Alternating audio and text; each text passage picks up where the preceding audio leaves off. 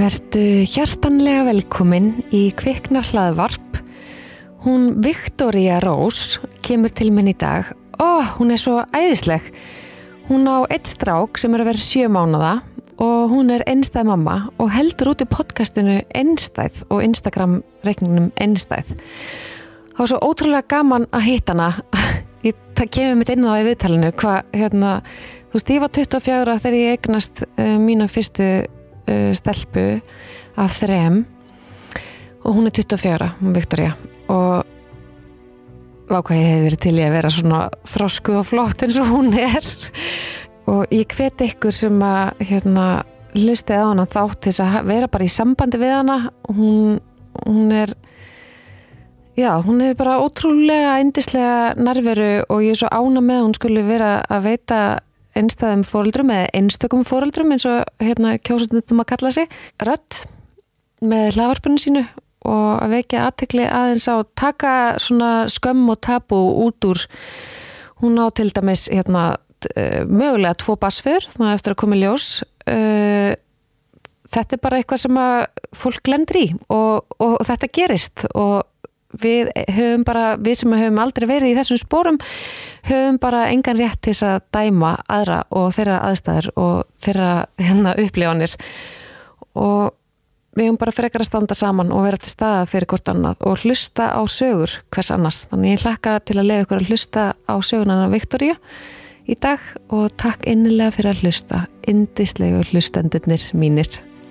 Elsku kvikna samfélag þið fylgja okkur á Instagram kviknar og einstað líka. Gjör þið svo vel. Þú ert komin inn til mynda, þú ert sko með, þú ert sjálf með þitt eigi podcast Já. sem heitir Einstæð Já, og það, þú ákvæmst að fara að stað með það hvað fyrir lengur síðan. þetta var eiginlega bara þegar ég var ólétt. Mér hefur alltaf langað til að búið podcast Já, en ég ætlaði alltaf að tala um morð og svo leiðist að ég er rosa mikið í þessu svona serial killers og Já, þannig. já. En síðan bara eru alltof margir með stanni podcast hérna á Íslandi, veist, Já. eins og alls konar þannig. Já, Þannig að ég hugsaði, ok, hvað er svona annað Mhm. sem gæti, sem að því að mér langar að vinna í þessu og mér langar að fara í þetta. Mhm. Þannig að ég var svona að byrja, hvað gæti verið svona annað sem ég gæti talað um og ég fattaði þá, þú veist, ég og strákurinn sem tekur upp þættina mína, Mhm. föttuðum bara upp á einstæð Mhm. Og að því að ég er einstæð og það er erfitt að vera einstæð, Mhm. þú veist, það er alveg hægt að viðkjanna það Mhm. og mér langaði bara að koma fram sögu einstæðara fóreldra Mhm. þú veist saman hvort það sé pappin eða mamman og að því að þetta er alveg Mhm. erfitt erfitt er en að vera krefjandi. saman já, Þetta er mjög krefjandi. nefnilega en að ég var komin eitthvað smá á leið ég held ég hafi verið aðeins meir en hálnuð Mhm. þegar ég hef samband við þetta stúdíó og, og fæ hann til þess að taka upp Já. þættina mína Þannig að þú ert þarna að gefa svona einstæðum fóreldrum smá plattform og rödd til þess að segja sína sögu og, og sína upplifun og, Mhm. og aðeins svona já, fást meiri áhært í samfélaginu. já, Það er æðislegt. Já. Ég er rosa ána með þig. já, takk fyrir þetta, mér fannst þetta einmitt mjög mikilvægt Já, sjálf já. fyrir að því þetta er margir skamma sín svo mikið fyrir þetta þú veist, sérstaklega eins og þú söguna mína, þú veist, DNA og allt þetta. Já, margir sem gangi gegnum þetta en enginn þurfa að tala um að Nei. þið skamma sín fyrir þetta. Já, ég, ég var hérna ein stæð mamma með þrjár stelpur í Já. fimm ár. Og ég reyndar, kannski ég leit ekki að beint á mig sem einstæða af því að ég á svo góða foreldra sko, sem hjálpuðu mig svo mikið. En það er samt öðru vísi að setja, þú veist þegar börnin fara til hérna föðusins eða, eða hinnar móður Já. heldur en að fá pössun hjá þú veist, ömmu og afa það er alveg sama hversu dedikerið þau eru Já. og indisleg skilur að það er bara öðru vísi tilfinning Já. þannig að þú, þetta er svolítið svona já, en ég hefði einmitt alveg vilja heyra í fleiri og ég bjóði mitt á, á Selfossi á þessum tíma þú veist, all, allt í kringum mig voru það voru rosa mikið bara, þú veist, vinkurum mínar í sínum samböndum Já. búin að vera kannski í mörg ár og eitthvað svona og með sína picture perfect fjölskyldur Já. þannig ég var smá svona eins og skrættan og söðarleiknum hann í mínu umhverfi sko já, já, og hérna en þannig að ég, ég, ég þú veist, minnst svo æðislegt einhvern veginn að þú skulle vera að búa til þetta þar sem að þessum fóreldrum líði ekki eins og þau séu einn sem bara svo mikilvægt Já, í allir þessari umræðu með að vera fóreldri og, og hérna.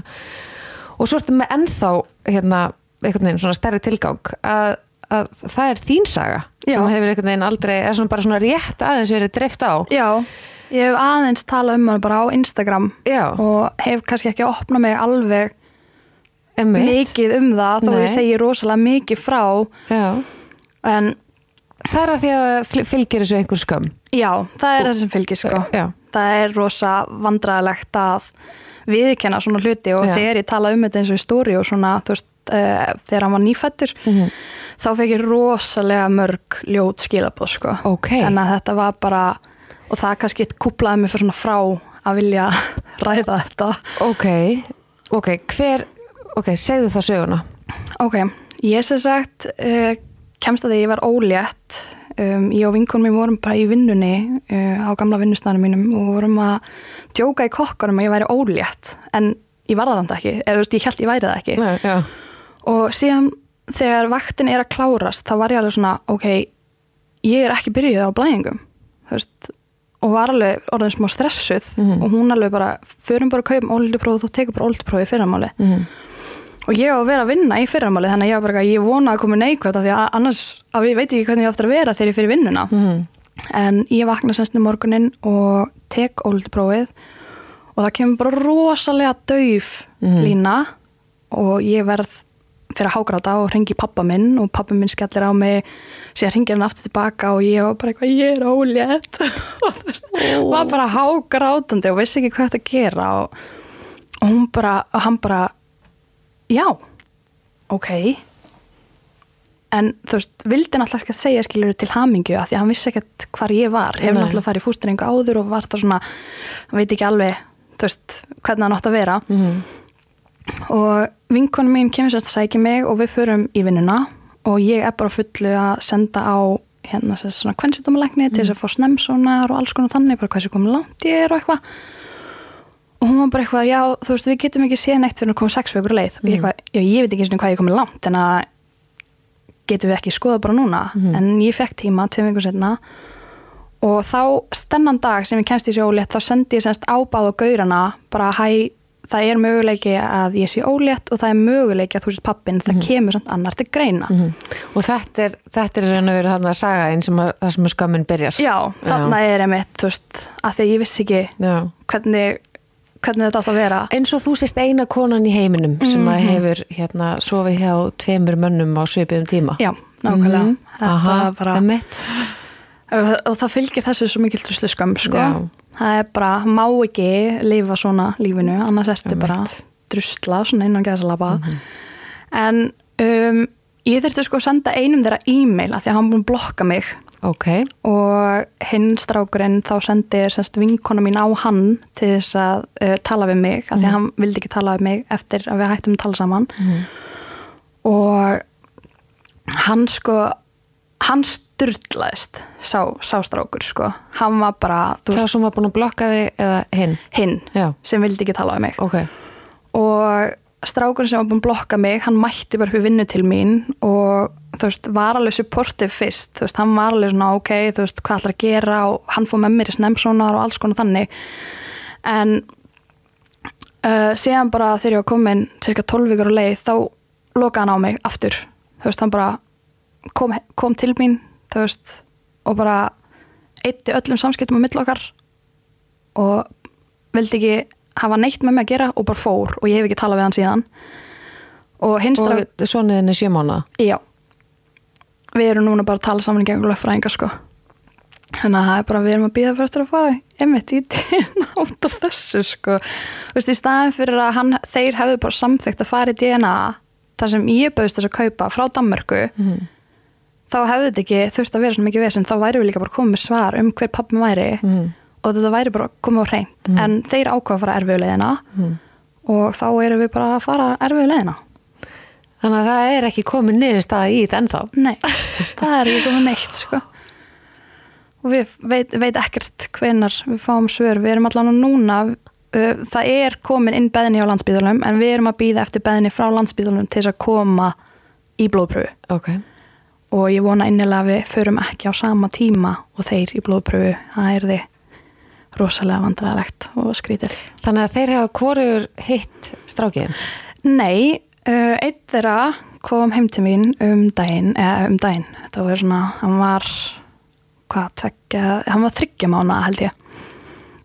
Þá sem sagt kom hann heim til mömminar, senda á mig bara skilaboð og bara hvort hann mætti koma og tala um mig. Og ég eitthvað, já allt í lagi.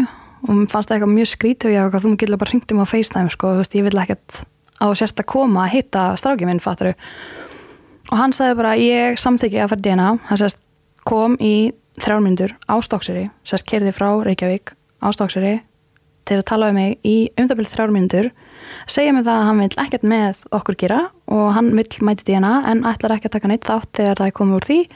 Og ef hann er pappin þá vil hann bara vera alveg út úr öllu ekki borga meðla, ekki borga neitt og bara fara. Ok, ég bara já, takk, þú varst búin að segja mér þetta áður akkur þetta að koma heim til mín til þess að segja mér það já, já, já en mamma mín heldur að það sé eitthvað meira á baku þetta en ég held að það sé bara hann að vera og þetta er hvor Óri. Þetta er strákunum sem vildi ekki tala um mig. já, Þess að hinn er fyrirverandi kæristu minn sem blokkaði mig alls þar. já Ok, við þurfum aðeins að taka því ég veit að fólk verður hérna svolítið forvitið. Þetta er náttúrulega, þetta er, þetta er smá svo sábópera og ég sé alveg og áttar þig á því. Já, já. hérna, ok, sá sem að blokkaði, ástæðan fyrir því að hann blokkaði þig. já. Uh, hann sem sagt uh, á konu Um mitt. og sem sagt strákurinn sem blokkaði mig, við skulum bara kalla hann uh, Friðrik Ok, og strákurinn sem lokaði á mig eftir við vorum aldrei saman, við vorum að sofa saman Mhm. við skulum kalla hann bara Magnús ok, Þannig að Friðrik, hann sagt lokaði á mig, blokkaði mig og hann átti sérst konu og var, að, var með henni skiluru og alls konar þannig sem við vissum hvoru er að. Þú veist, ég vissi ekki af henni, ég held ég væru vinir og væri að skilja Mhm. og hún vissi ekki að við vorum saman. um mitt. Þannig að þetta var rosa, hann Og var ég- alltaf bara að búa til eitthvað sögur að ég væri bara eitthvað, eitthvað annað skiluru heldur en kæðastan hans. Sko, hérna, ég, ég, þú veist, við búum á svo pínlitli landi Mhm. að ég held að svona sögu væri bara til í útlöndum, sko. Já, ég veit ekki hvernig hann komst upp með þetta sko. Þú veist, ég veit ekki ég, ég skil ekki hvað gerðist eða hvernig þetta gerðist eða neitt eru Og marg þau voru búin að gift í mörg ár. já, búin að gifta mörg ár Og þegar þú síðan hefur samband við hana, mm eftir að hann er búin að blokka þig, já, að þá kemstu að því að þau voru aldrei að skilja. nei. Þannig að hún kom alveg að fjöllum. já, hún vissi sko að ég væri ólétt. Hann var búin að tala um það við hana og hann var búin að segja henni allt svona skiluru Ok, en þannig að hann, hefði, sérst, hann viðurkendi þá vendarlega fyrir konu sem hann hefði verið að halda fram hjá henni. já, já, Ok, en sko með við það sem hún sagði mér þá skildi ég hana þannig að við vorum aldrei saman. Heldur var þetta bara eitthvað svona eins og vinnufélagar eða þannig fattur já, og hún sem sagt uh, hlustar alveg á mínu sögu og ég er náttúrulega að segja henni þú veist það er möguleika hans í pappin ég er ekki að segja hans í pappin mhm. og við tölum alveg í alveg klukkutíma eða eitthvað saman. Og síðan bara fer ég heim og allt í lagi og tveim vikur setna sendur hún mér sko bara hræðileg skilabóð og að bara segja að ég verð að ljúa og verð að þvinga banninu mínu upp á hann og að var basically að slött sem ég vissi ekki hvað pappin væri og ég væri bara að reyna að gera þetta til þess að fá þennan kall tilbaka og ég var svona vákvað ert í mikil afneitun með þetta af því að þetta er alls ekki alls ekki mér langaði eitthvað að vera með þessum manni. Nei bara svona, myndi maður vilja vera með manni þegar maður væri búin að komast að fullta svona hlutum, þú veist, jújú, jú, ég veit að ástin getur verið blind, Mhm. en ertu í alveg svona blind Mhm. og síðan alltaf hann fá sannanir og ég er náttúrulega ekki menn henni sannanir, Nei. þú veist, nefnum bara eitthvað nokkuð screenshots þú veist, þannig að ég vissi ekki hvað ég ætti að gera, þannig að ég sagði bara við hana, veist leiðilegt fyrir þig, fattaru en ég er að fara að láta hann taka DNA próf saman hvort að þið viljið það eða ekki. Mhm. við þurfum að komast að þessu. Mhm. en síðan bara þú veist, hef ég ekkert tala vera meir, ég blokka hana síðan bara eftir að ég svaraði, sko. Mhm. og hef ekkert heyrt frá henni neitt þú veist, síðan bara sá hann, jú, hann væri með Asus Supremia sem er sem sagt uh, engin sæði, þú veist það er bara null sæði í honum. Mm.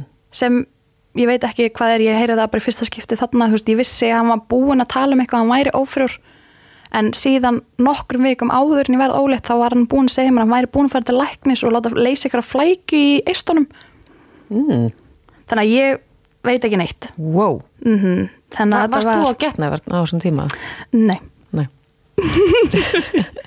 Og þeir báður vissu það. Já, já, já, þeir báðu vissu það Já. og það er bara, þeim finnst svo vant að sofa hjá með smokk þannig að, þú veist, hluti gerast. Jazz mm en ég var náttúrulega alveg kæruleg sjálf sko, ég mm. það alveg. Þetta er ekkert eitthvað, Ég meina auglustlega endur ábyrðin á þér. Já, já, já, algjörlega algjörlega. En Og ég meina það er að það eru alveg bæði þannig. meðvituð um þetta að þá er þetta náttúrulega á, á ábyrð begja þannig að það var ekki svo þú verður eitthvað að reyna að plata það út í eitthvað Nei, þetta er bara, máli var sko, ég held sko, ég ætti erfitt með að verða frjó eða þú veist, ólétt um, að því ég var ekki búin að vera að nota sko getnavörg bara í mörg ár mm. og varða aldrei ólétt Mm. Þú veist, þannig að ég var bara eitthvað svona, já, þú veist, ég held ég sé bara ófrjó. Já, ég held þú að þetta sé mjög stór miskilningur Já. hjá allt og mörgum stelpum. Já, ég held það nefnilega sko. Við þurfum aðeins að taka fyrir þetta sko. Þetta er ekki hægt.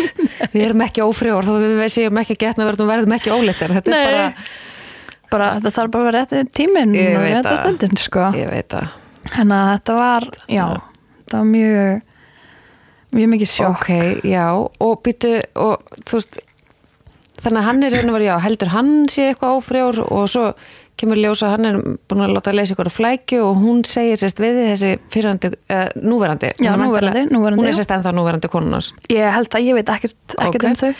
Ok, að hérna að hann sé þá ófrjór þannig að þess vegna heldur hún að þú sést að ljúa upp á að Mhm. hann sé mögulega pappin en þú náttúrulega veist það ekki að því að hann er raun og verið ekki búin að gefa leifi til þess það hefði svo einfalt sko bara þá að gefa leifi eða þú veist hún sést ekki pappin Mhm. Gefa þá bara leifi til þess að taka ángríns, það er það sem ég að líka. þú veist bara, fyrir ekki af hverju samþykir þú ekki þá að fara í DNA-pröfu akkurat. Ef þú ert frjófrjór, ófrjór? Já, og ef þú kemur ekki til greina. Já, þú veist, ef þú ert með pappira Mhm. þú veist, mér er alveg sama. Þú veist, það hafa margir karlmenn sem eru ófrjóður eignast börn, Mhm. þú veist þetta gerist Já, ég meina að konur hafi verið dæmdur ófrjór og verða samt óleittar sko, þannig að þetta er, er, er ekkert, er ekkert saman sem merkið þarna á milli sko. Nei, en ég er bara svona af hverju samþykir ekki bara, hann samþykti síðan veist, eftir að hann fættist og Já. ég sendi honum e-mail aftur mhm. bara, hæ uh, það eru svona, ég held á þeim tíma að það væri bara 99% líkur að hann væri ekki pappin, Mhm. þú veist, að þetta var bara barnið mitt er alveg snækvítt Mhm. Og þú veist, þannig að þú veist, ég sá ekki neitt sem var líkt með þá. Mhm, og hann er brú, með brúnan húðilit já, Já. hann er sem stökkur, já. Mhm. og hérna mér skildist það að pappans er hvítur. Já, já, þannig að þú veist, þannig að það er alveg séns. já þannig að það er alveg séns en ég vildi ekki útiloka en ég bauð honum hvort hann gæti bara mætti í þessa DNA-pröfu Mhm. Og hann svarar mér bara já, hann ætlar að mæta. Ok, frábært. Uh, bara svo lengi sem ég er ekki þarna og Ok. eitthvað og ég er náttúrulega bara já og hafði sambandi lögfræðingi minn. Og þetta er náttúrulega dómsmál þú Já. veist af því þetta er komið lögfræðinga það þarf að fara fyrir hérastóm og það þarf að eða hérastóm, er það ekki alveg örgulega hérastóm? ég held að það er hérstómur og svo hæstaréttur. Já, já, Ekki? jú, ég held Og að sé landsdómur eða eitthvað. Já, já, e eitthvað svoleið eitthvað Í að mæta sérst þangað og, og, og þeir eru skikkaðir í blóðpröfu mhm, mhm. og núna er ég sérst að býða eftir já, ég mitt að fá, fá fyrir blóðpröfu með strákið minn. Já, og þegar ef það kemur neikvægt að því að svo fyrsti sem fyrir fyrir dóm sem Mm. er sérst sagt Friðrik mhm, hann sérst fyrir fyrir dóm fyrst af því að hann samtykti fyrst að Ok. fara í blóðpröfu ok. Og ef það kemur neikvægt til honum þá er hinn sendur í blóðpröfu þess að fá út því. Og sko ég er ekki grínast. Ef þeir báðir eru neikvæðir þá er þetta bara, þá veit ég ekki hvað er hægt að gera af því að það er einn God's annar já, það er bara, það er en ekki það, það hægt. getur ekki Nei. það getur ekki orðið þannig þannig að Nei. annarkorð er að annarkvörð það er að ráða og hvað þú veist hva- hvað svo? sko, ef Ég meina, hvernig líður þið bara með allar þessar tilfinningar og allt þetta rugl og allt þetta upp og niður? Menn þetta á að vera mikilvægasti tengslatími með barni mm, þú veist, þetta er bara hvernig sko, er þetta búið að vera? meðgangan þetta var alveg erfitt, ég veikindi alveg þetta var, meðgangan gekk mjög vel en þetta var alveg erfitt svona að hugsa út í alltaf að ofugsa hver er pappin, hvor þeirra er þú veist, en þetta var svona erfitt tilfinningalega séð, tilfinningalega séð en síðan hugsaði ég bara, þú veist strákur mér bara ógslega heppin að eiga mig. Mhm. hann þarf ekkert pappa. Mhm. þú veist, ég hugsaði rosa mikið þannig þú veist, ég þurfti náttúrulega pappa minn þú veist, hann þarf pappa sinn, síðan var ég bara þetta er ekki þannig, þú veist, ég og nokkra vingunum með ekki pappa og, og þær eru bara hamingjusamar skiluru, þú veist, þetta snýst ekki alltaf um þetta þennan föður. Og þú veist, jú, þetta er hans réttur að fá að kynnast uh, sínum fóreldrum, báðum en, og ég mun aldrei banna þeim að koma inn í þeirra, lífans en ég held að sé bara best eins og fyrirstráki minn að vera án þeirra í staðin fyrir að vera að koma og fara, koma og fara. Mhm. að því að en þannig að ég, já, ég hugsaði eiginlega bara úti að þau strákur minn bara ókslega heppin að eiga mig og Já. ókslega góða fjölskylda á bak við mig og hann þarf ekkert til að fá einhvern annan til að þykjast tóknast honum skiluru þannig að það var bara svona Þannig að í raun og veru bara svona viðhóra þitt sem er búið að koma, gegn, koma þér í gegnum þetta. Já, og hva, hvaðan, þú veist, hvað er þetta? Þú veist, hvernig, hugleisla, nummer 1 og 3 ég tek, ég og, Magna. ég og strákur minn tökum hugleislu á hverjum einstu mótni og þökkum síðan fyrir daginn okkur einstu kvöldi og nefnum þrjá, eftir, ég veit að hann er náttúrulega bara sjömaðuna en við Samt? þökkum já, þú það veist, byrja bara strax. Já, já, já, allan daginn. Þetta bara, þetta hefur bjarga lífið mínu Mm En þú geggjuð. Takk. Þetta er bara, ég mæli með allir takkja hugleislu sko, þetta er og núvitund, þetta er bara auðvitað leifir maður tilfinningunum sínum að streyma og maður leifir tilfinningunum sínum að vera. Já. og alls konar þannig. Og nú finnst þetta er einmitt þannig. Þú veist, þú leifir, ef þú finnir eitthvað tilfinningu og leifir svona að vera og, og, og þú veist, reynar að átta þig á þig af hverju þið líður svona Mhm. og af hverju er þessi tilfinning að brjótast upp núna. Mhm. Þannig að þú veist við leifum því bara að streyma í gegn og, og bara einmitt slöppum af, þú veist, þið eru með svona jókatónlist á mótnana þegar við vöknum og meðan hann er bara morgumat eða, eða hlustum á bubba eða eitthvað skilur þú veist á mótnana og síðan þegar við förum að sofa þá er bara nefnum við þrjá upp þú veist, þrjá hluti sem voru okkar mikilvægir í okkar deg, veist, á að deginum skilur um og já, þannig að þú veist, það hefur komið mér í gegnum þetta dót, sko. Hvað ertu gömul? Ég er 24. Sko, ég var 24 ára fyrst mamma Já. Aldrei í lífinu hefði getið verið svona þrosku, sko Vel gert fóreldræðinir líka og... Já, þetta er alveg konunars pappa opnaði mig fyrir hugleyslu og núvitund.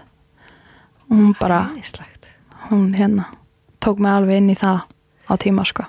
Þannig að þetta er í raun og veru allt þetta kaos í kringum, þú veist, hver er pappi bassins og eitthvað svona afneitanir og, og hérna, blokkanir og allt svona sem maður hugsaður mynd bara veist, þetta var sem betur fyrir ekki til þegar ég, ég var að mamma í fyrsta skipti því ég fæ bara svona almáttugu minn. Ég, hérna að, já, að ge- geta einhvern veginn bara svona þetta er eitthvað, þetta er eitthvað, svona, svona heimur skilur mm bara og getur bara ítt á eitthvað takka og útiloka eitthvað manneski frá, frá bara samskiptum Já. við þig og eitthvað svona þú veist, í staðan fyrir að, að ræða málin og, en hérna en, en sko magna að þú skulir hafa einhvern veginn getið útiloka allt þetta og samt átt einhvern veginn þannan tíma með sinniðinum og, og mynda þessi tengst að þetta er svo mikilvægt sko ég, því ég var einmitt hérna á undaðir að taka viðtal við hann Óla Gretar Gunnarsson. Já, og hérna hann er að tala um sérst mikilvægi einmitt þessara, þessara tíma þessi fyrstu þúsund daga, þessi setni hluti megunguna sérstaklega og, og svo fyrstu tvö, þrjú æfi árbassins Mhm. -hmm. og að fóldurinn líði vel og við náttúrulega tölum um þetta mikið inn á og Já. þú veist og svona já, að hérna bara vákvæði dáist að þér að hafa, hafa tekist að, að eiga þetta með sinniðinum þrátt fyrir allt þetta ruggli kringu bara ég vill ekki lega barnið mín að finna að, að ég sé, þú veist, líðla eða óhamingisum, þú veist, ég vill bara vera hamingisum mamma af því að, þá er það batnið til já, af því þá er barnið hamingisamt, nákvæmlega, sko. þetta er bara, og betra er náttúrulega sko, eitt vellíðandi fóreldri heldur en tvö vanlíðandi sko. já, nefnilega, það er þannig. það er þannig sko. Þetta er bara, ég sá hennan post sko, þú veist, you don't need a perfect mom, you need a happy mom Mhm. og þá var ég bara, þetta er svo satt Já. þú veist, að því að ég var alltaf að reyna að vera allt, allt fullkomið Mhm. þú veist, alltaf að þrýfa strax eftir hann, þú veist alltaf að hafa heimili við treyn Mhm. síðan bara, þú veist, verði ég veist, ég þarf náttúrulega líka að læra að slappa af sko. Mhm. þú veist, þegar hann er sofandi þá fer ég að vaska upp og ég fer að þurka af og ég Mhm. fer að gera þetta en að En hvernig er það einmitt, þú veist, að vera svona ung mamma í öllu þessu samfélagsmiðla dæmi sem er í gangi? sko ég sá einmitt uh, spurningu um þetta hjá einni sem ég er að follow á Instagram Já. hún var sérst að tala um, um sérst svona samfélagsmiðla uh, svona aktiv svona Mhm. alls konar þannig Mm. að þau þóldi ekki að sjá hvað allt var reynd hjá Mhm. þeim manneskjum svona allt svona gerfi Mhm. þú veist að gerfi tilfinningar og alltaf að þrýfa og Mhm. allt, allt fullkomið eiga allt geggjað fyrir Mhm. barnið og það er svona þú veist ég náttúrulega er ekki mikið að sína frá því slæma Mhm. sem gerist hjá mér og Oliver Mhm. og ég er ekki mikið að sína heimil mitt þegar það er óhreint þú veist Mhm. þetta er einhvern veginn svona maður fær einhvern veginn svona uh, hvað heitir þetta svona samviskupið að Mhm. sína þessa hlið, það er alltaf þetta er venjulegt, þetta er heimili Mhm. það þarf ekki alltaf að vera hreint til að vera heimili þetta er erfitt. Að því að ég næ líka kannski ekki alltaf að vera inn á samfélagsmiðlum til þess að Mhm. sína frá þessu veist, Mhm. að því mér langar frekar að vera með barninu mínu í staðin fyrir að vera alltaf hérna skilur Akkurat, að sjá barnið sitt í gegnum já, síman nákvæmlega eða barnið sjá ekki framann í því fyrir símanum já, þú veist, Oliver byrjar þannig ef ég er í símanum, Mhm. þá byrjar hann bara Já, þú veist, hann langar bara svo að sjá já. Að að stundum get ég glemt mér Mhm. þú veist, inn á Immit, inn á Instagram og Já. þannig og þú veist, þannig að núna er ég bara byrjuð að eiginlega leggja síma frá mér þegar hann er vakandi Mhm. um, sem gerist náttúrulega ekki oft Mhm. en ég er að reyna mitt besta Mhm. þú veist, ég er bara háð símanum mínum Já. Það er bara gott þú viðkenna það sko. Já, já, já. að Ég held að sé, við séum flest eitthvað svona, já ég er ekkit svo mikið þú veist við erum flest í afneitin sko, Já, já. en erum raun að veru bara meðlutun af okkur, erum háð þessu sko Já. sjáum eða lífið í gegnum síman okkar mm, nefnilega þú veist, þegar ég var ólétt þá held ég að ég hafi verið sko afræðs í símanum mínum þú veist, ég var með svona time zone Mhm. til þess að sjá hversu mikið ég var símanum mínum daglega Mhm. og ég held að það var einn dagur sem voru um það byrj 23 tímar 44 mínútur sem er eiginlega bara einn sólarhingur sem ég var bara í símanum sko. Mm og þannig var ég bara ok, ég þarf að fara að bæta með eitthvað Já. og þá fór ég niður í 20 tíma síðan fór ég niður í 18 Byrju, tíma hva, Hvar svafstu? Hvernig svafstu? Uh, ég svaf mjög illa ég var alltaf að vakna að kíkja í síman sopna, vakna að kíkja í síman Þú veist, það var eiginlega bara fyrsta sem ég gerði Já. þegar ég opna augun, þá var bara að taka síman Já. Og síðast það sem gerir þetta að fara svo Mhm. kíkja í síman já, Þannig að þetta hefur huglistan líka að hjálpa þér já all, allan daginn sko. Mm -hmm. þannig að þetta er bara mm skiptir svo miklu máli að þetta er svo óholt sko. En hvernig, hvernig nærðu að tala við, þú veist, bara, bara stelpur á þínum aldri, aðra mömmur og eitthvað svona, svona á, að því það, það, það, það þarf að taka sér umræðu svo, svo, þetta er svo fín lína að fara á, án þess að dæma einhvern, já, skilur og bara án þess að dæma sjálfa sig, Já. þú veist, að því stundum bara þurfum við á því að halda að bara svona sóna út og annarkort horfa á Netflix eða, skilur, eða hanga á Instagram, en, en svo er þetta, þetta er oftast ekki það besta sem þú getur gert fyrir sjálfaði eða þið langar actually að gera eitthvað fyrir sjálfaði Já, hugleist já. að vera til dæmis betra val. Já, já. En þú veist þetta má, má ekki vera fordæmandi þú veist má ekki tala um þetta með fordæmandi hætti Nei. en samt þurfum við að tala á, á, með ákveðnum hætti um þetta til Já. þess að þetta nái í gegn Já. og við actually tökum marka á þessu. Já, þannig að hvernig, þú veist, hvernig, hvernig eru bara ungar konur að tala um þetta í dag? Sko það eru rosa marga sem viðkenna þetta ekki. Já, þú veist að viðkenna ekki að þeir séu mikið í símanum eða neitt svoleiðis. Þú veist um, maður tekur samt alveg eftir því. Þú veist alveg svo manneskjur á TikTok sem börn bara ungum aldri þú veist eru alltaf að taka upp TikTok og barnið bara eitthvað á bakvið þú veist að leika sér. Mhm. þú veist þannig að það er svona þetta er vandamál. Já. og við getum alveg öll viðkenda að þetta er vandamál hjá öllum ekki bara hjá ungu fólki og, og þú veist bara alveg gömlum eins og mér. Já, veist, ég, ég var í sjúkartalunum daginn Já. og þar var gamalt par fyrir fram mig og þau voru hlifilið og síðan alltaf sagði einhverinn og þá sagði hann, ha? það endur tók hann að segja, ég heyri ekki hvort það segja Og en eru samt, já, eru Já. samt lifið lið þú veist, þau líti ekki eins og ákvort annað og ég var svona, vá, þú veist vá hvað þetta er alltaf breyta því ég man alveg að þetta var ekki til þegar ég var lítil. Veist, ég var alltaf bara út að leika í einu krónu bara þegar þá mútið ég voru hún sko næstu 14 ára eða eitthvað. Mhm. þú veist, alltaf út að leika eitthvað staðar og alltaf að gera eitthvað en Veit. séðan bara núna er þetta bara erfitt. Ég er svo mikla ágjur að þessu sko. Þannig að líka verður þetta bara verra með tímanum ef, ef við fyrir mikið að breyta þessu skilur Já. þú veist, litli bráðum minn er frekar á YouTube heldur en að fara út að leika en núna er hann duglegur að fara því hann byrjar að æfa fótbolta mm. þannig að hann byrjaður að fara að gera svona alls konar hluti. En, En ég meina, þannig, að- þannig að þú heldur fyrsta, fyrsta sé að við bara, þú veist, við við ekki bara heyri levelum þetta þannig að bara við erum allar og öll allt og hafa þessu. já, Og hvað svo? Hva, þú veist, ég meina, að því erum við ekki bara þarna einhvern veginn að með okkur við hver aðra, þú veist, við erum bara svona að kíkja á Instagram um, og ekki eins og bara eitthvað áhrifavöldum, hérna heldur bara þú þarft ekki að vera með ákveðið marga fylgjendur sko til þess að vera áhrifavaldur. Af því að þú ert bara að horfa Instagram hjá öðrum og Já. við gefum alltaf bestu útgáfuna á Instagraminu. Já, nema náttúrulega þegar þú ert að taka raunin já. og þá ertu vilt að sína skítin heima hjá eða Já, eitthvað vandamál sem þú ert að klíma við. Þannig að Já. basically eina sem gengur á internetinu er eitthvað, þú veist, að það tengist hashtag, já, já. Bara nófiltir glans, bara, bara glans. Þú veist, þetta þú veist, eins og þegar ég var ólétt þá var ég alltaf að fylgjast með Kardashian veist, alltaf þegar þau voru ólétt þá voru þau bara ná að gera allt og leiða óksla vel og óksla flott bumba. Þetta er ekki raunin, sko. Nei þetta er fólk Enga með aðstofar fólk, já, sko. já, ángríns og líka bara þú ert nýbúin að eiga. Hvernig fokkanum ert þú bara orðin bara svona grönn Nei. og bara með slettan maga og allt bara daginn eftir að sama dag? Það getur ekki Nei, ég verið. meina, sko, með með ég er svona algjör hérna renglað upplægi var ekki grönn daginn eftir fæðingu sko.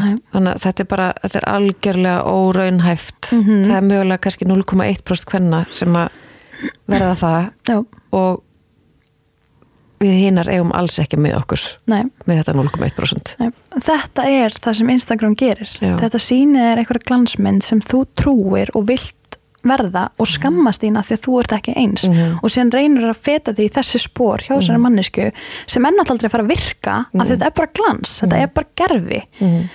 og ég var nefnilega mikið í þessu, þú veist eins og áðurinn var ólétt, þá var ég að reyna að verða einhver influencer sem ég gæti ekki eins og orðið af því að þetta var ekki þú veist, ég var ekki að gera neitt. Mhm. ég var bara eitthvað, lítið upp til Khloe Kardashian eða Kim Kardashian. Og reyna að vera svo þær. En En heldur það sé ekki margar mömmu þarna? Að- Er verið að taka, þú veist, einhverja myndir Mhm. til þess að reyna að verða uh, fá fleiri fylgjendur? Uh, geta sagt hérna, hérna sponsorað af hérna, þessari barnafattuverslun eða eitthvað svona. Er þetta, er þetta raunverulega eitthvað svona þrá? e, já, hjá mörgum, já. Já, já, ég myndi, ég ég myndi með segja þú kannast alveg við þessa tilfinningu. Já, já, já, já, já, já ég var alveg þarna þegar ég var ólétt sko. Þú veist, mér langaði bara að Já. fara í samstarf með öllum og gera Já. allt skiluru en það er bara ekki einmitt, raunin, þetta er Nei. ekki þú veist, það er, ég held að sé líka ógeðsla margir sem tala um vörunar eins og þetta sé bara allt geggjað Mhm. þú veist, bara þetta er frábær vörur ég mæli með að kaupa en sé notar þetta aldrei Mhm. þú veist, ég var alveg svona ætti ég að segja kost og galla Já. um þessa vörur Mhm. Svo að sé ekki fólk sé ekki að kaupa það bara út af því Mhm. en síðan var ég bara svona nei, ég hætti frekar að sína frá vörunni Mhm. skilur Mhm. en ég var samt að sína frá vörunni Mhm. en ég var samt á sama tíma ekki að sína frá þeirri vöru Mhm. það sem þú veist, uh, þú veist það eru svona kostur og gallar við allt sem maður fær og það er svona þúli ekki þegar influensar, þú veist, sérstaklega hérna á Íslandi Mhm. eru bara eitthvað, ég var kannski, ég verið að móta pass, uh, móta þetta, eða ég var að fá fött frá Petit og þetta er allt frábært og ég mæli svo mikið með the, svona eitthvað þannig fatturu þannig að þú veist, ég hugsa að ég vilji breyta þessu líka Mhm. að við tölum um kost og galla Mhm. og ekki bara á fötum eða þannig heldur frá öllum vörum sem þú færð Mhm. þú veist ferðakerfunni Mhm. þú veist, sem allir voru að sína inn í sumar þegar voru fara til spánar Mhm. það hlýtur að vera eitthvað Mhm. sem er ókostur við já, af því að það eru ók- ókostur við allt Mhm, skilur mhm, það er svona, ég vil að fólk byrja að viðkynna það já. að þetta séu ókostur Ég átti fínt samtal við eina hérna, sem er að vinna í svona markasmálum. Hún talaði um að við værum svolítið eftir á hérna mm. uh, með svona áhrifalda menningu að Erlendis þetta orðið meira þannig að þau sérst að fyrirtækin bara styrtu sérst hérna ákveðin á, ákveðina svona áhrifavalda eða fræðsluvalda, jafnvel, þú veist sem eru kannski með einhvern annan tilgang heldur en að bara sína frá þú veist fötum og daglega lífinu sinni og hvar að þessi bjóru og eitthvað að hérna og, og fyrirtæki segir bara, þú veist þannig að manneskjan segir bara, þú veist ég er styrt af þessu hérna fyrirtæki Mhm. uh, þau hjálpa mér að halda úti þessu podcasti eða þessu Instagrami Já. eða eitthvað og ég er ekkert að reyna að pranga upp einhverjum vörum, það Nei. er ekki best að nota kremi frá þeim nei, eða þetta frá þeim eða eitthvað svona heldur er bara fyrirtæki að, að sponsora mig og mi, mína vinnu já, og þetta er svolítið svona, finnst mér heiðalega og gegnsæra og þetta er reyndar það sem ég er svolítið búin að vera að kalla eftir með kviknar. Já, þú veist, en, en, en fyrirtæki kannski hérna á Íslandi er svolítið sein að hoppa á vagnin, Já. það eru bara fyrsta leið búin að vera sein að hoppa á vagnin bara yfir höfum með að borga sko mm áhrifavöldum í, í launum, þeir eru sko meira nota bara vörur já, sem er náttúrulega bara eiginlega alveg glórulaust að ætla að borga fólki fyrir að auglýsa vöruna sína með vörum. Uh, en síðan líka svolítið seina þennan vagn að bara að, veist, styrkja bara góða umræða, góð málefni veist, bara með því að halda henni gangandi en að þú, þurfir ekki að vera að tróða ykkur um vörum upp á fólk nei, sko. nákvæmlega það Þannig að- er það sem ég mitt sækjum líka þú veist, þegar ég byrð um spons þá, eða, þá er ég að sækjum styrki fyrir Einmitt. til þess að einmitt halda áfram því að þetta er ekkert ódýrt Mm. og þú veist, það getur ekkert hver sem er bara verið að punga út þessum pening til þess að gera þetta mm. þannig að já, ég er mjög sammála því, þú veist, mér finnst eins og að þetta eigi að vera tekið upp allan daginn, sko. já. þannig að við, já þetta er, að því að mér finnst líka já, ekki bara sko ungar mömmur heldur bara mömmur yfir höfuð. Þegar við erum mm. rosa viðkvæmum þetta er bara, þú veist, já, feður líka. Við erum bara viðkvæm og að vera með okkur sérstaklega, við erum á þess stað að vera með okkur við aðra á, á samfélagsmiðlum. Og að verða að kaupa eitthvað. Mm þú veist, þetta er ekki akkurat tíminn sem þú átt að vera að taka ákvörunum þú veist, þarf ég svona, þarf ég hins einn Já. að því að við vitum að í raun og veru eina sem þú þarft er sko bara húð við húð Já. og nánd og þú veist, bara nóga mat og nóga ást og nóga knúsi og já, Já. hugleysluðin í daglega lífið nákvæmlega. Svona í, í raun og veru sko Já.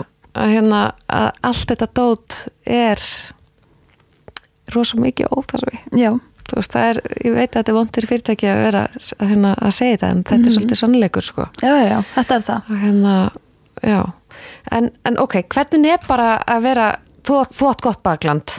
Já, mjög gott bakland. Já, þetta er sko ég er samt ekki mikið að sest þingabarninu mínu upp á þau.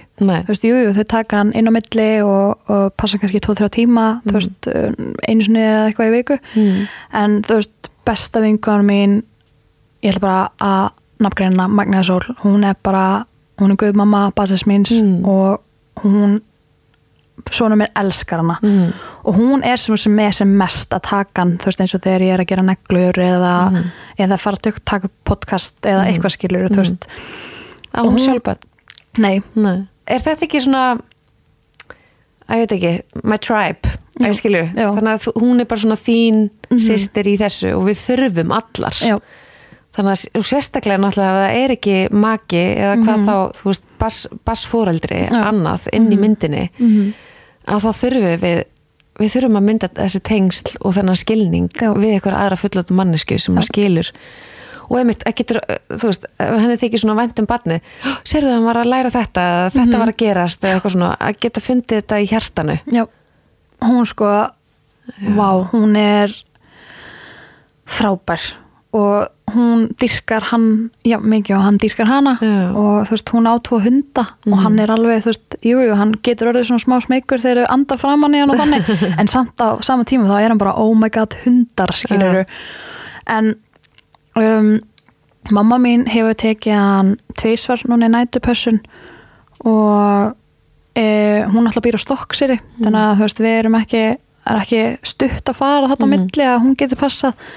Og pabbi minn alltaf rosa vinna rosa mikið, þannig að hann getur sjálfur ekkert alltaf verið að passa. Mm. en þú veist eins og amma mín, veist langam hans hún er bara mjög döguleg og hún er að passa sem mest núna þegar ég byrja að vinna í desember sko, veist við erum bara búin að skipta niður dögum um hver getur passað og hún er, hún er að taka hann rosa mikið og Mhm. hefur verið að passa hann rosa mikið þegar ég er að fara í sjúkurþjálfun eða taka upp podcast eða eitthvað skilur Mhm. þannig að hún er líka minn klættur sko en ég á mjög, mjög góð fjölskyldu og ég er mjög heppin Mhm. mína fjölskyldu Mhm. þess vegna segja alltaf bara veist, hann þarf ekkert pappa til að vera með í lífuna því við eigum svo ógeðslega stóra fjölskyldu Mhm. við erum alltaf fjóra fjölskyldur sko Mhm. þetta er náttúrulega mamma mín, maðurinn hennar og séðan pappi minn og konun hans. Þannig að við erum alveg stór fjölskylda sko. þannig að ég er mjög mm, þannig að við erum mjög heppin. Já, þannig að ég fæ alveg tíma fyrir sjálfa mig sko.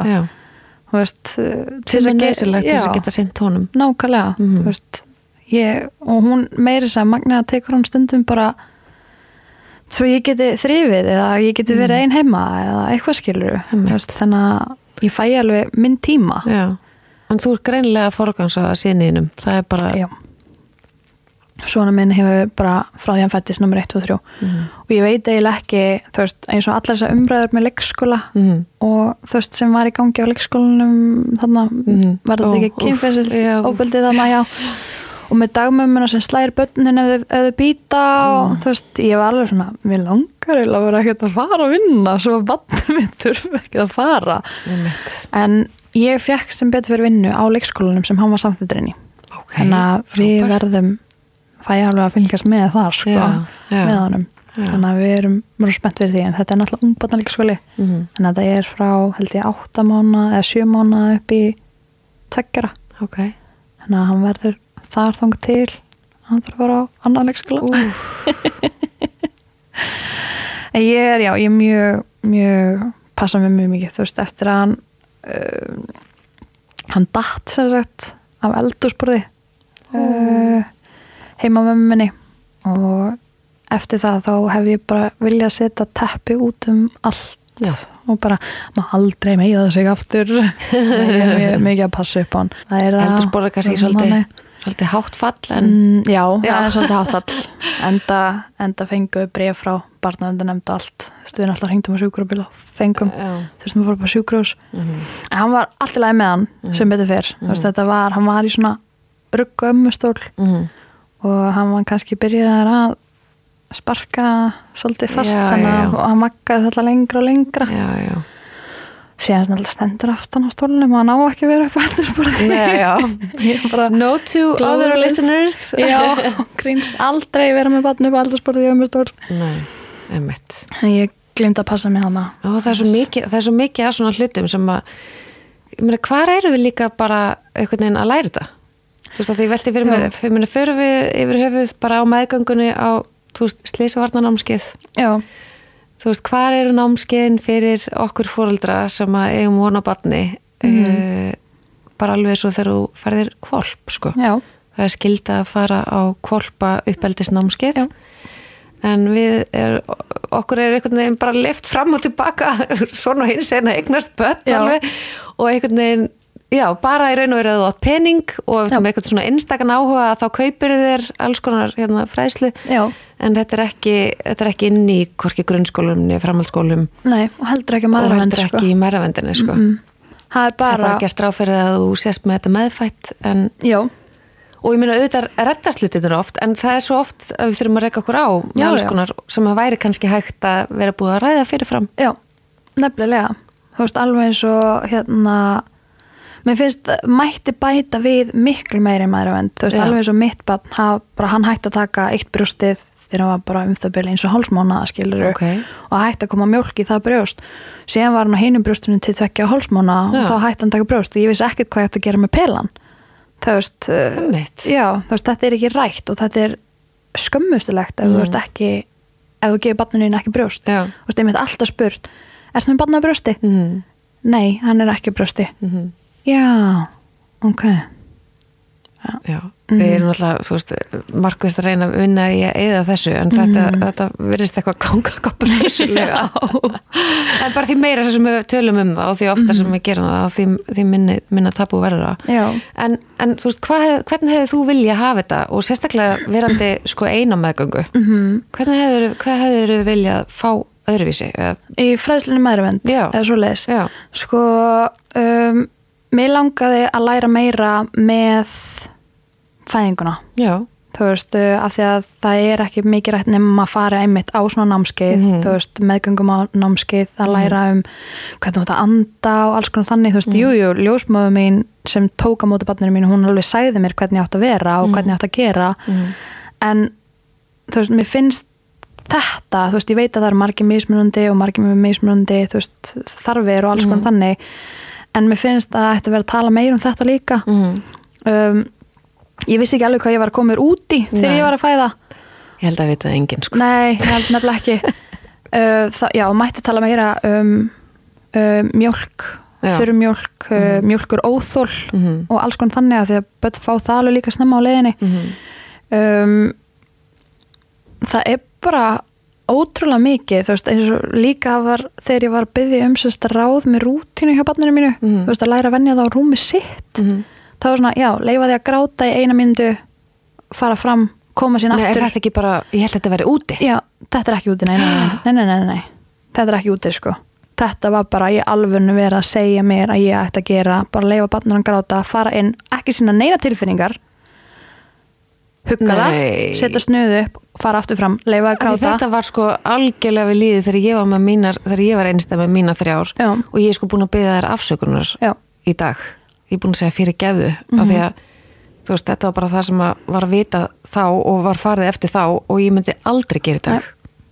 Þess vegna skil ég ekki af hverju það var mælt með þessu, þú veist, að því að ég var sjálf bara, ég get ekkert farið bara inn tilfinningar laus, þú veist, ég er að læra huglæðslu og núvitund, af Já, hverju sko ætti barnið ég- þetta er náttúrulega að reyna að ná sko til Já, þín. já. Það er að byggja um tengsl, byggja um tengingu. Já, og þú veist, af hverju á ég þá bara eiginlega bara að setja miðjuputan upp og, og Já, mitt. út, skilur Þannig að, þú veist, hva, þannig að er raun og verið heldur enginn þá fræðsla um, þú veist, bara svefn og, og uppeldi. Nei, nei, það er bara nefnum bara í bókum og þú leitar Já, þú sjálf, sjálf. Já, allt að Að hafa sína frumkvæði, hafa áhuga Já. sem er náttúrulega bara frábært og ég meina margar náttúrulega mömmur gera það í dag já, já, já. en það er ekki hægt að ætla- ætlast þess það, verður svolítið líka á þessum tíma Mhm. þegar margt annað er í gangi að svolítið að íta þess að okkur sko.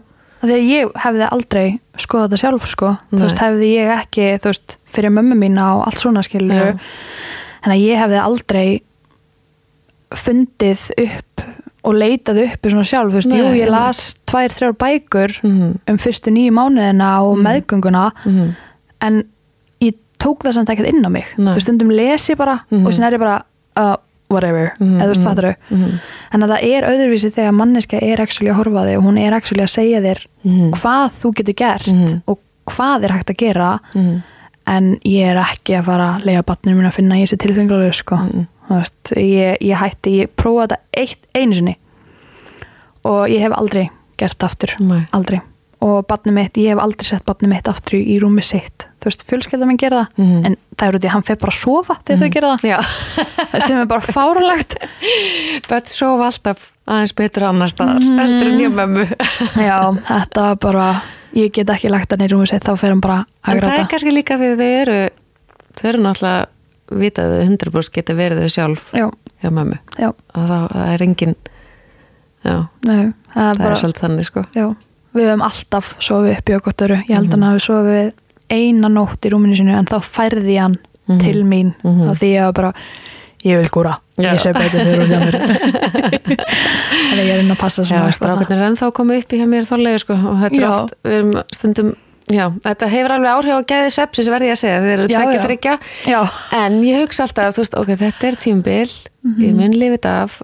Einn daginn þá vilja þér ekki lengur koma upp í sko. Já. og eftir að vera bara eitthvað e, ég nefnir ekki verið að þér mamma skilu, þú Já. er glötuð. Mhm. hérna, þannig að núna, já en oft er þetta sko tilfæsla á milli rúma. Þá leður komin inn í hitt rúmið ég er komin fram, þessi komin hingað þetta, Já, þetta er eitthvað svona eitthvað mega brasa róttinni En þú veist, það er mikil nánd Já. og mikið, hérna, já, það er allavega það er engin tengslar og ekki tengslar og í gangi þarna, sko. Nei, ég passa alveg upp að hann finni að hann geti verið með mér og alltaf og leita til mín aftur, alltaf Þú veist, ég vil að sambandi okkar sko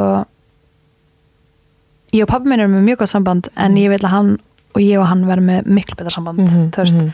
að hann geti leita til mín með allt, þú veist, jú, jú, ég gæti leita til pappa minns og ég gæti sagt honum hluti eftir að það búið að gerast Mhm, skilur mhm. þannig að ég vil að hann geti komið til mín og tala við mig og, Mhm. og alls konar þannig og, og segja mig hvernig hann líður og þannig að því að ég vil ekki að hann upp, upplifi það að ég sé að útiloka á hann að ég Mhm. nenni ekki að hafa hann eða vil ekki hafa hann Mhm. og kannski verður þetta öðruvísi þegar hann verður eldri kannski á ég eftir að fá nóg og hann eigi bara svo í sínu rúmi veist, og þá bara dílu við það kemur að það því er, barnið bara sjö mánu, sko. Já, nákvæmlega Svona þú líki þegar fólk segir mér að ég eigi ekki að hann sofi uppi á mér veist. Það er kona í líf mínu sem bara alltaf bara nei, veist, hann á svo í sínu rúmi bara hvað á hann ekki í rúm sjálfur, þú veist, ég fæ alltaf svona komment, Já. bara svona, jú en Við erum bara með okkar rútinu sjálf, skilur, sem hendar okkur, mér og honum. mm Þetta Það er, bara- þú ert, ég, sko, ég er svo sammálegar þegar þú sagðir hann í byrjun, hérna, uh, hann hefur mig. já, Ég er svo sammálegar, vá hvað hann er heppin að hafa þig. já, takk. Bara allir. 100%, þú greinlega svona meðvituð og einhvern veginn, já, inn í, mjög þroskuð. takk, takk fyrir það. veist, bara, já, ég aldur hefur greinilega ekkert með það að segja hvernig hérna þengjandi fólk er, nei, alveg talað, sko, það er bara veist, ég held að líka sko, ungar mömmur mm verða oft fyrir fordómum, sko, þegar þær eru út af bara aldrinum, sko, sem er náttúrulega alveg grillað og þú ert náttúrulega bara einstakt, eh, ekki einstakt, alls ekki þú ert hérna bara dæmi um það Mhm. að að hérna aldrei hefur ekkert með það að gera hvernig, hvernig þú sér hlutina og og tengsli við barnið þitt og... en þetta er ákvörðin sem þú tekur já, ég var náttúrulega ekki viss fyrst, sko Nei. að því að ég viðkenn það alveg, ég var ekki ekki á þessum stað sem ég var á áður en ég var ólétt, sko, þú veist, Nei. ég var bara djammandi allar helgar og eiginlega drekkaðandi alla daga mm. og var náttúrulega í tveimu vinnum, þú veist, 23, þannig að ég var alltaf að vinna og var alltaf að gera eitthvað Mhm. og alltaf þegar ég var búin að vinna, þú veist, þá náttúrulega dettum við bara í það og, Mhm. og þú veist, maður náttúrulega leið illa og þannig en þetta var rosa stór ákverðun er ég tilbúin að gera þetta einn Mhm. og ég veit ekki að það alveg vinkonum minn höfðu ekki trú á mér, sko Mm. en stuttu mig samt, en Mhm. þær voru samt bara ertu alveg viss, þú veist, þú þú að vera mamma. Já. og núna í dag er þær bara að hrósa mér skiluru, veist, hann snýri lífuminu alveg við, ég tók Já. því líka uppeyju með allt Mhm. gagvart honum og, og ég er bara hamingi samari í dag heldur en ég var sko. Þrátt fyrir allt þetta leðenda dót skiluru þannig að ég byrjaði bara að blogga um það minn ég var ólétt og, og það er bara mína sögu um hvernig þú veist lífið okkar væri og það er ekkert leiðilegra en hjá öðrum Mm. skilur Mm. við erum alveg jafn tengt og batnið mitt þurft ekki að vera brjósti til að vera tengt mér sko Nei, þannig að það er bara rosa mikið sem já, lagaðist Hvað viltu segja við hérna aðrar ungar mömmur? Og einstæðar mömmur já, einstæð Þú með veist, mér eða einstæða pappa. Já, Já. Uh, ég vil bara segja þeim að uh, verið þið ekki vera að setja ykkur uh, í ykkur spór á ykkur glansmyndum á samfélagsmiðlum. Mm. og munið að taka tíma fyrir ykkur sjálf. Og Mhm. þið eru nóg. Það þarf ekki að vera fullkomin fóreldri heldur hamingisami full fóreldri Mm. þannig að bara haldið áfram að vera þið af því að þið eru það að gera gott. Mm. Þú veist, það er bara þannig, maður er alltaf að reyna sitt besta. Já. Og þau eru allir vonandi eru að reyna sitt besta. Mm. trú ekki öðru. Mm. því að barnið er nummer 1 og 3 Akkurat Indislegt, vá, þú ert algjör fyrirmynd. Takk, Rótrúlega hvetjandi og skemmtilegt að hitta þig. Takk fyrir. Takk fyrir að fá mig. Já, bara æðislegt. Og ég, ég mæli náttúrulega með því að þið hlustið á hlaðvarpið þitt. Já. það er undir einstæð á, það er bæði á Spotify og náttúrulega öllum þessum veitum, Já, eða ekki? jú. Og, hérna, og svo ertu líka með Instagram mm einstæð, þar sem Já. þú er svona aðeins verið að segja söguna sína fyrir eitthvað sem vilja kynna ykkur líka aðeins betur. Já, og, hérna, og svo ert þú alltaf opinn fyrir viðmælendum sem Já. að hérna, vilja koma og tala um þegar þau eru einstæð þannig annarkort já, af eigin vali eða, Já. eða ekki. Já, það er stundum hérna nákvæmlega. en það er, það er, það er betra að einmitt eins og við tölum um án eitt hérna gott fóldri heldur en tvö ómikisum já, ég er mjög já, þetta er bara, þetta er motto að það áheldur ekkit að sko þvinganitt til þess að vera fóldri nei, nei, alls ekki sko nefnilega- þannig að mér finnst þú líka verið að vera að líta á svo rétt að, að nú hefur sóniðin þig Mhm. og það er betra heldur en að hann eigi síðan einhvern aðal inn í lífunu sinu sem, að, sem vill það ekki sko. Nei, nákvæmlega, ég vil ekki þvinga neinum að barninu mínu sem vill ekki vera barninu mínu það er svo mikilvægt að þetta sé já, að þetta sé í raun og verið gert af, af, af hjartanu sko. Mhm. þá er betra að manneskjan sé fjárverandi heldur Já. en að hún sé það já, sé inn í lífi, lífi basins hérna, á einhverjum forsendum einhvers annars Já, nefnilega, það er þetta sem ég vildi nefnilega með síslumannin sko, þú veist, Mhm. þegar það var að tala um hvort ég mætti sleppa því að feðra Mhm. en það má ekki þú veist, Nei. það er skilda í lögum að feðra barnið sitt sem Já. ég skil alveg, þú veist, að Já. barnið þurfa að kynast báðum fóruldrum, Mm. en þegar aðili vill ekki vera með barninu Já, og vill ekki kynast barninu einmitt Af af hverju? hverju er það að þvinga því að? Að því að barninu, barnið verður bara óhamingisamt og Já. finnur það að pappin vilji ekki eða mamman vilji hann ekki. Já, þú veist, mér finnst það leðilegt og stundum kannski þú veist, í einhverjum tilfellum getur líka bara, þú veist, þetta fóreldri sem að vill ekki barnið hugsa að það væri bara actually betra fyrir barnið Já. að vera bara með þessari mömmu heldur en að það sé inn í lífinu þess. Já, nefnilega. Þú veist þannig að, já. Þetta er, þetta er mjög, já, þetta er svo er það önnur, önnur já, nákvæmlega En takk æðislega fyrir að koma til mín. Takk ég hvet fyrir. ykkur til þess að- henni og, og vera í sambandi við hana eða deila ykkar sögur. Já. Og bara æðislegt skulle vera að gefa þessum hópi rödd. Takk fyrir ég bara mikla virðingu fyrir ykkur. Ég skil ykkur, þeir sem eru ennstæð Mhm. Já. og, og tengi við ykkur og, hérna, og, og stend með ykkur og þið, já, Já, bara áfram þið. takk, takk fyrir að fá mig En ég ætla líka að segja bara Já. Þið þurfið ekki að koma til minni við tal heldur getið líka að tala við mig við, þið viljið bara fá ráð eða Ah, bara segja mér eitthvað sögur bara til Já. að koma út ykkar orku eða þú veist þannig. Bara megið tilfinningunum á blað og upplifunum á blað og, og hérna, já. Nákvæmlega, Það er það sem skiptir öllu máli og tengja við, við aðra í sömu spórum. já, nefnilega. Það sem heldur okkur saman sko, tengslinn, Já, gegja, en takk alveg fyrir. Sumulegðis.